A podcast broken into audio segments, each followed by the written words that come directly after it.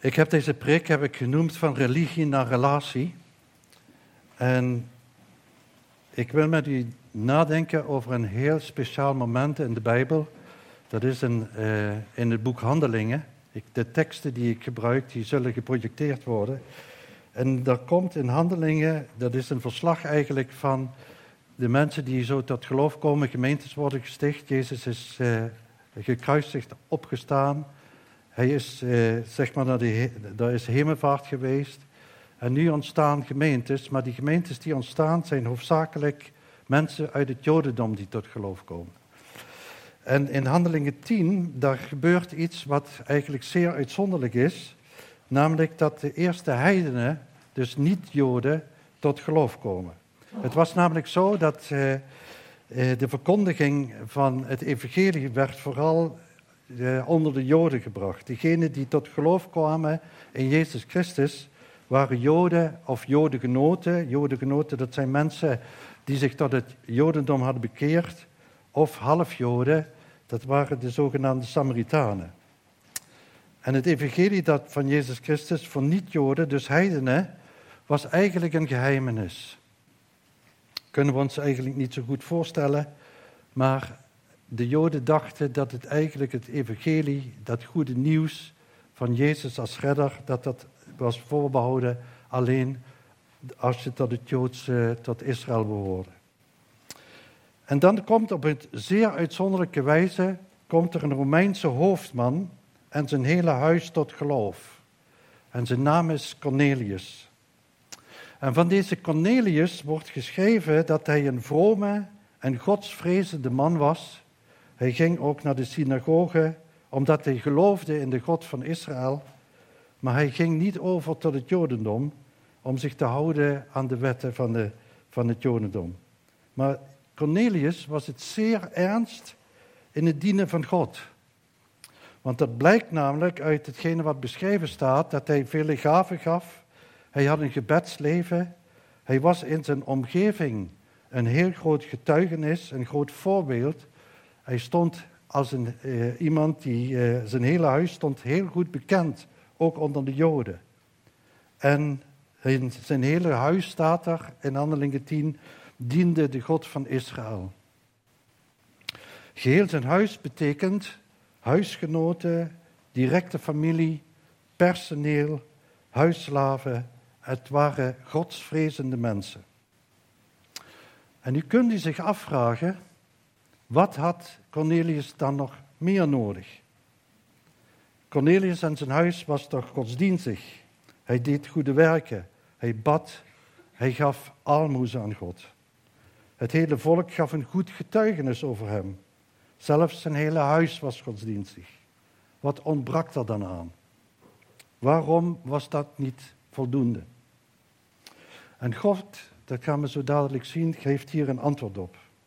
Een antwoord op de gebeden en de aalmoezen van, eh, eh, eh, die hij gaf. En Petrus wordt voorbereid om naar Cornelius te gaan, om diegene die hij niet kende, namelijk Jezus Christus, te verkondigen. Om door hem het leven te vinden. En Cornelius was dus niet, God wilde niet dat Cornelius een godsdienstig leven had, een religieus leven had, maar dat er een relatie was met hem. Dat Cornelius een relatie kreeg met God.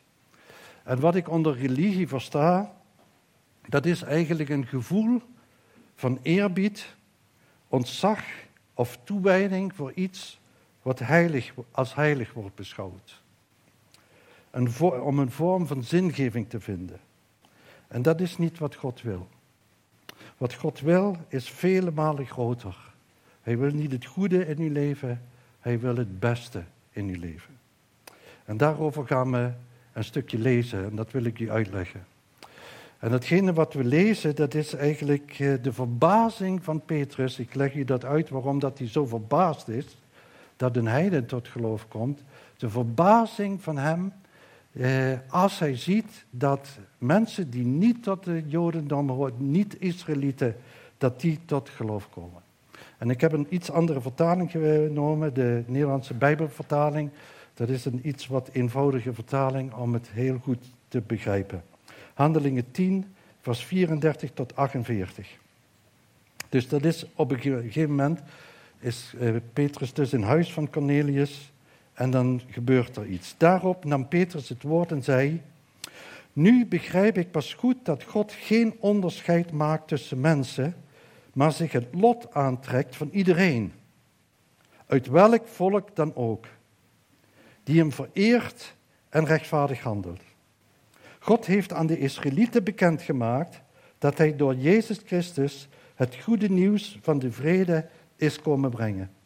Deze Jezus is de Heer van alle mensen. U weet wat er in, het, in heel het Joodse land is gebeurd, zegt hij tegen alle aanwezigen. Dus, dus tegen Cornelius en heel zijn huis. En Cornelius had ook vrienden uitgenodigd. Hij, u weet, zegt hij tegen hen, in heel het Joodse land is gebeurd hoe het begon in Galilea. Hoe God, na de doop waartoe Johannes opriep, Jezus van Nazareth met de Heilige Geest heeft gezalfd en met kracht heeft bekleed.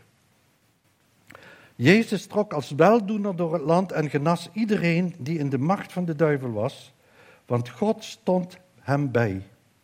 Wij zijn de getuigen van alles wat hij gedaan heeft in het land van de Joden en ook in Jeruzalem. Zeker, ze hebben hem gedood door hem aan het kruishout te hangen.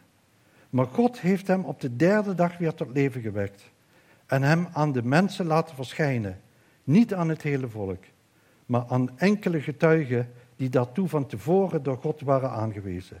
Aan ons namelijk, die samen met hem gegeten en gedronken hebben nadat hij uit de dood was opgestaan. Hij heeft ons opgedragen daarvan getuigenis af te leggen en aan het volk bekend te maken dat hij het is die door God is aangesteld als rechter over de levenden en de doden.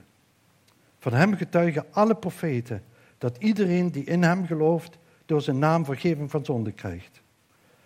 Terwijl Petrus nog aan het woord was, daalde de Heilige Geest neer op iedereen die naar zijn toespraak luisterde.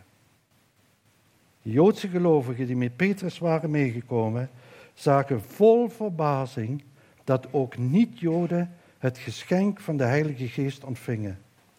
Want ze hoorden hen in klanktaal spreken en God prijzen. Toen merkte Petrus op: wie kan nu nog weigeren deze mensen met water te dopen, nu ze net als wij de Heilige Geest hebben ontvangen?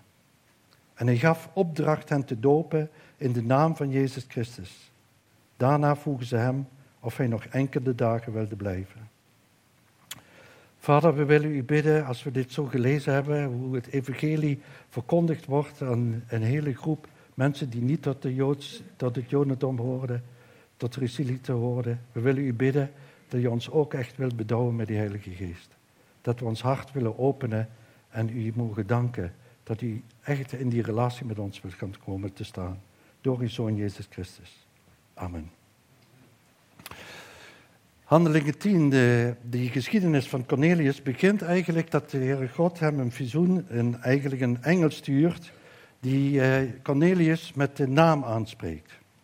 En Cornelius is zeer bevreesd en die engel zegt tegen Cornelius, uw gebeden en liefdesgaven, ik vind dat een prachtige uitdrukking, uw gebeden en liefdesgaven zijn als een gedachtenis opgestegen aan God. God viel het op dat deze man liefdesgaven gaf en gebeden. En het is toch wonderlijk dat God een eerste heiden, waar God, de eerste heiden waar God zijn oog op laat vallen, een Romeinse militair is. Je moet dat heel goed begrijpen. Hij is een hoge officier in een hoge rang, een vijand van Israël, een bezetter. En wat een vernedering zou het eigenlijk betekenen voor de Joodse gelovigen, voor de Joodse christenen, dat niet alleen een heiden tot de kerk van Jezus Christus zou toetreden, maar daarbij ook nog een bezetter, een militair met een hoge rang. En het is dan ook niet zo verwonderlijk dat heel wat nodig is dat Petrus ertoe bewogen wordt om zonder twijfel en zonder bezwaar te maken mee te gaan met de mannen die Cornelius, door Cornelius gestuurd werden, naar aanleiding van die ontmoeting met die engel. Maar wat ik me steeds heb afgevraagd, is het volgende. Hier heb je een man die bidt, die in God gelooft, aalmoezen geeft, een godsvruchtig leven leidt. En God antwoordt dit, beantwoordt dit gebed met een engel. En nu weten we dat God, Gods wil is dat niemand verloren gaat. En wat zou je nu verwachten? Dat de engel gestuurd wordt bij iemand waar het hart eigenlijk heel open staat. Je zou eigenlijk verwachten dat die engel Cornelius Jezus Christus verkondigt. Dat zou ik verwachten. Maar dat doet hij niet. Heel apart. Want hij krijgt eigenlijk de opdracht om Petrus te roepen en die zal hem het evangelie verkondigen. En zoals dat ook vanmorgen gebeurt, dat, eh, zoals we dat in de hele Bijbel eigenlijk zien, dat het evangelie van Jezus Christus wordt door mensen verkondigd. Door u, die tot geloof zijn gekomen. Dat is het middel, dat is de weg die God, gevraagd, die God loopt. Ik vind het zeer bijzonder dat die engel hem zegt, je moet nu mannen, drie mannen, die moeten op weg gaan. Eh, dat is van Caesarea, waar hij woont, naar Joppe, waar Petrus is, is ongeveer 50 kilometer wandelen. En door die drie dopelingen vanmorgen wordt ook het evangelie verkondigd, misschien zonder zo in hun getuigenis. En ook door hetgene wat ze eigenlijk doen. Ze maken dat zichtbaar door de doop. En hun is het ook weer verkondigd. En aan mij is het ook weer verkondigd. Het bijzondere is dat God mensen gebruikt om dat evangelie van Jezus Christus echt te verkondigen van mens tot mens. En Cornelius die krijgt dus de aanwijzing van die engel, stuur mensen naar Joppe. 50 kilometer vandaan waar hij is. En ze krijgen precies te horen waar ze Petrus vinden. En dan gaan ze op weg. En tijdens dat ze op weg zijn, is het zo dat God Petrus voor wat zou gaan geboren, gebeuren, waar hij enorme grote moeite mee zal hebben, gaat voorbereiden. En zonder die voorbereiding had hij waarschijnlijk geweigerd, geweigerd. Hij had het gezien als ongehoorzaamheid om in het huis van een, van een niet-Jood binnen te gaan. Dat had hij niet met zijn geweten in overeenstemming kunnen brengen. Een heiden ook nog, een militair, een onbesnedene. Daarbij ook nog dat hij, daar zou hij zeker op verzet gestoten zijn. En dan zie je eigenlijk dat God hem voorbereidt met een visioen te geven. Maar hij begrijpt dat visioen niet. En dan staat er uiteindelijk dat, eh, dat er staan drie mensen voor de deur. Dat blijkt dat Petrus in Jeruzalem aankomt, eh, zeg maar, dat, dat, dat, dat besef van dat hij zou gaan twijfelen en dat hij zeg maar, bezwaar zou gaan maken, dat blijkt ook als, er iets, eh, als hij dan terugkomt naar die gebeurtenis. Dan staat er in Handelingen 11, vers 3, laat die tekst maar eens zien. Toen Petrus terugkwam in Jeruzalem, spraken de Joodse gelovigen hem hierover aan en verweten hem dat hij onbesneden had bezocht en samen met hen had gegeten. En Petrus was een man die heel erg gevoelig was voor kritiek. Dat vinden we onder andere in Galaten 2, waar hij eigenlijk zich aan gaat passen. Hij was erg gevoelig voor kritiek. Dus er moest een voorbereiding gebeuren en dat doet God met dat visioen dat hij wordt voorbereid om naar iemand toe te gaan waarin hij het zelf totaal niet zou verwachten dat iemand van eh, een militair, een bezetter, een Romein tot geloof zou komen. En dan zie je eigenlijk in Handelingen 10, als hij dan binnenkomt, als hij bij Cornelius ontmoet, dan zie je in Handelingen 10, vers 28, hij zei tegen hen, u weet dat het Joden verboden is met niet-Joden om te gaan en dat ze niet bij hen in huis mogen komen. Maar God heeft me duidelijk gemaakt dat ik geen enkel mens als verwerpelijk of onrein mag beschouwen. Je moet je voorbereiden. Je zag je eigenlijk hier, zie je de enorme liefde van God, de enorme genade, niet alleen voor Cornelius, maar ook de genade voor Petrus, om hem zeg maar te brengen tot die daad dat hij daar naar binnen gaat. En dan zie je eigenlijk eh, dat eh, op het moment dat dat visioen is, staan er drie mensen voor de deur. Hij begrijpt het visioen eigenlijk nog niet. Maar dan staan er drie mensen voor de deur en die staan voor de deur en die vragen aan Petrus om mee te komen. Nou, het is zo prachtig eh, wat er dan staat. Er staat een prachtig verzoek. Ze hebben namelijk het volgende verzoek. We nodigen u uit om woorden van zaligheid te horen. Dat is, die mensen waren echt voorbereid om het evangelie ook te horen. Als Petrus dan in het huis van Cornelius binnengaat, dan treft hij daar een grote menigte mensen aan. Cornelius die vertelt over zijn ontmoeting met de engel, maar hij verklaart ook dat er een groot verlangen is bij hemzelf en zijn vrienden om het evangelie te kunnen verstaan. Hij zegt in Handelingen 10, vers 33, we zijn hier ten overstaan van God bijeen om te luisteren naar alles wat u door de Heer is opgedragen. En dat is ook een woord voor vanmorgen.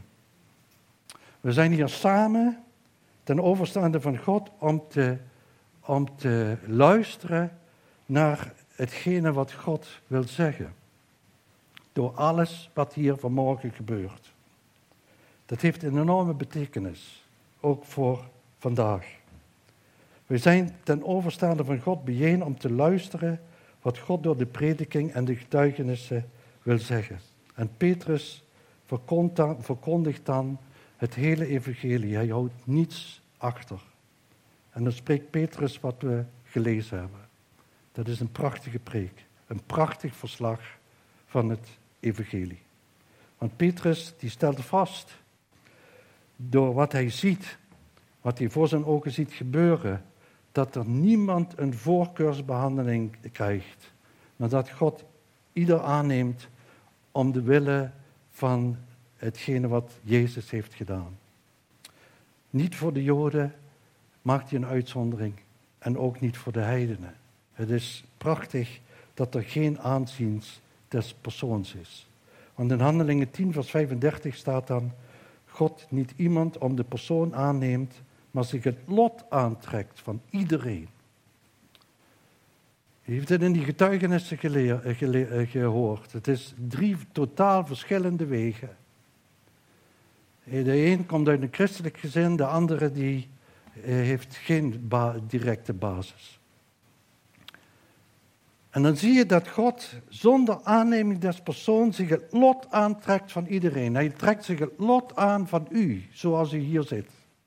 Hij trekt zich het lot aan en dan staat er van diegene die echt hem vereren en rechtvaardig handelt. Eigenlijk staat hier samengevat, hij trekt zich het lot aan van iedereen die gelooft dat hij bestaat. Want dat is de voorwaarde. De voorwaarde is dat hij gelooft dat God bestaat. En dat zie je dan ook in die, dat wil God zich dan openbaren. En dan zegt Petrus tegen de mensen, jullie weten wat gebeurd is. Want ze woonden allemaal binnen de grenzen van Israël en hadden allemaal gehoord van Jezus en zijn kruisiging. En nu, maar wat, er was, maar wat was nu de betekenis daarvan? Wat had Cornelius dan nu eh, daar, eh, wat was nu de uitleg? En hij verkondigt hen Jezus. Petrus legt uit dat Jezus gekruisigd is en de derde dag is opgestaan uit de doden en aan velen verschenen is. En dat verkondigen wij precies dezelfde boodschap nu dat Jezus leeft. En de kern van zijn getuigenis, wat hij daar vertelt, is in Handelingen 10, vers 42 en 43. Daar staat dan, Hij, Jezus is dat, heeft ons opgedragen daarvan getuigenis af te leggen en aan het volk bekend te maken dat Jezus het is die door God is aangesteld als rechter over de levenden en de doden. Van hem getuigen alle profeten dat iedereen die in hem gelooft door zijn naam vergeving van zonde krijgt. Wat moet Petrus wat moet Cornelius dan geloven? Waarin ligt zijn behoudenis? Niet in de gebeden. Niet in de almoezen. Het is wel waardevol. We kunnen het niet op een hoop gooien en zeggen: dit is niet waardevol, want dit is waardevol, want het is in Gods gedachtenis gekomen. Maar dat is niet de basis voor de relatie met Hem. Het is ook niet de basis om je vrij te spreken van, van zonde. Jezus is aangesteld als rechter en in ieder die in Hem gelooft, door Zijn naam vergeving van zonde ontvangt. Jezus heeft de macht ontvangen om door zijn offer Cornelius en zijn huis vrij te spreken. Hij heeft daarvoor aan het kruis de prijs betaald. En het is de Heere God die de weg bepaald heeft naar vergeving van zonde door zijn Zoon. Dat opent de weg voor vele zegeningen en eeuwig leven met Hem. En de uitwerking van deze prediking van Petrus is fenomenaal. Door te, te, erkennen dat wat Petrus uitlegt, dat Jezus Heer is en dat hij de schuld heeft gedragen, ziet hij voor zijn ogen gebeuren dat de Heilige Geest wordt uitgestort op deze heidenen. Ze ontvangen de Heilige Geest. Een teken van bekering, een teken dat eh, de gebeden van Cornelius verhoord zijn. En God is niet aan een bepaalde methode verbonden. De Joodse gelovigen die met Petrus waren meegekomen, zagen vol verbazing dat ook niet-Joden het geschenk van de Heilige Geest ontvangen wordt. En dan stelt Petrus de volgende was. Wie kan nu nog weigeren deze mensen met water te dopen, nu ze net als wij de Heilige Geest ontvangen hebben? En dan geeft hij de opdracht om hen te laten dopen in de naam van de Heer Jezus. En dat betekent dat de persoon helemaal ondergedompeld wordt. En ik rond het af vanmorgen om u even kort uit te leggen wat hier nu gebeurt. Wat is die doop? Wat, heeft hij nu, wat maakt hij nu zichtbaar? Wat maakt nu zichtbaar als Martijn, Lilian en Iwan zo dadelijk onder water gaan? Een prachtige tekst die dat uitlegt is Romeinen 6, vers 3 en 4. En die zegt het volgende: Weet u niet dat wij die gedoopt zijn in Christus Jezus, zijn gedoopt in zijn dood? Wij zijn door de doop in zijn dood met hem begraven, om zoals Christus door de macht van de Vader uit de dood is opgewakt, een nieuw leven te leiden. De waarheid is, die waarheid, deze waarheid is een eenwording met de, doop van, met de dood van Christus. Het is een begrafenis en een opstanding, wordt duidelijk gemaakt. Die begrafenis en de opstanding van Jezus wordt duidelijk gemaakt door onderdompeling. Wanneer de dopeling onder water gaat, is dat het binnengaan in het graf. Hij wordt begraven. Eigenlijk bent u vandaag ook uitgenodigd op een begrafenis. We voelen ons niet zo, maar het is een begrafenis. En dat, die begrafenis die is doordat die ondergedompeld wordt in het, in het helemaal onder in het water. Maar gelukkig blijft het daar niet bij. Dat hebben we de dopelingen ook beloofd. Dat we dat niet daarbij laten. Want het prachtige is namelijk dat als ze uit het water komen, dan is dat een prachtig beeld van de opstanding van Jezus Christus. En wat hier eigenlijk voor ogen geschilderd wordt, in dat prachtige beeld wat, je, wat Jezus ons heeft gegeven, is dat iemand sterft met hem en een beleidenis heeft dat hij gelooft, een diepe zekerheid dat ik word opgewekt uit de doden. Met Christus samen. En het begint met een keuze, met de juiste houding. Ik zie in, eh, in Cornelius dat hij de juiste houding heeft. Hij wil luisteren. Hij wil zeggen, leg mij dat evangelie uit. Weet je, om goed te beseffen, en nu spreek ik niet alleen voor de mensen die Christus, zeg maar, die nog niet het evangelie in die zin hebben aangenomen. Die misschien de eerste keer vanmorgen dat horen. Ik spreek ook vooral tot degenen die Christus al kennen. Want je kunt zo snel in religie vervallen. Je kunt zo snel in de goede werken en in de gebeden en al die dingen, die goede werken te doen, om je te, te denken dat je daardoor je, je behoudenis zeg maar, kunt verdienen. En deze, deze boodschap geeft eigenlijk van twee kanten is dat. Voor degenen die een uitnodiging ontvangen en zeggen, ik wil meer van het evangelie eigenlijk horen. Ik wil meer eh, weten over wat het betekent om een relatie met Christus te krijgen. Maar ook als u hier zit en u kent Christus, dan is het zo ontzettend belangrijk dat er steeds meer is. Dat er een verlangen is, als u dat ziet hier, wat God eigenlijk in het leven van deze drie mensen gedaan heeft. Dat je een verlangen krijgt in die vertrouwelijke, intieme omgang met Hem. En je geniet van die intieme omgang en die vertrouwelijke omgang met God onze Schepper. Door Jezus Christus. En ik, eh, ja, we gaan ons nu omkleden. Er zal een lied gezongen worden, maar ik wil u echt eh, nog even stil zijn met u.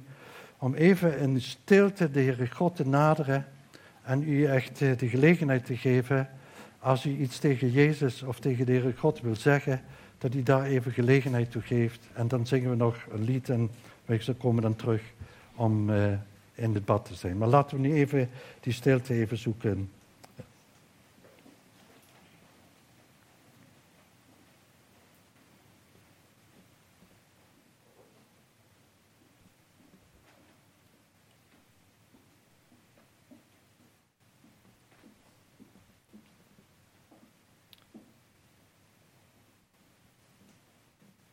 Vader, we willen zo in die stilte even bij u zijn.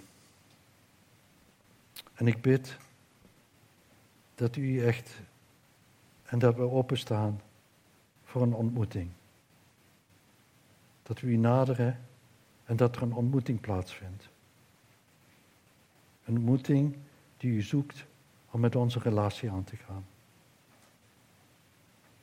Ik wil u danken ervoor dat dit prachtige evangelie, wat in Handelingen 10 beschreven wordt, dat ook heidenen tot geloof kunnen komen. En dat we u echt mogen danken dat dit ook nu, vandaag nog gebeurt. We prijzen u daarvoor in Jezus' heilige naam. Amen.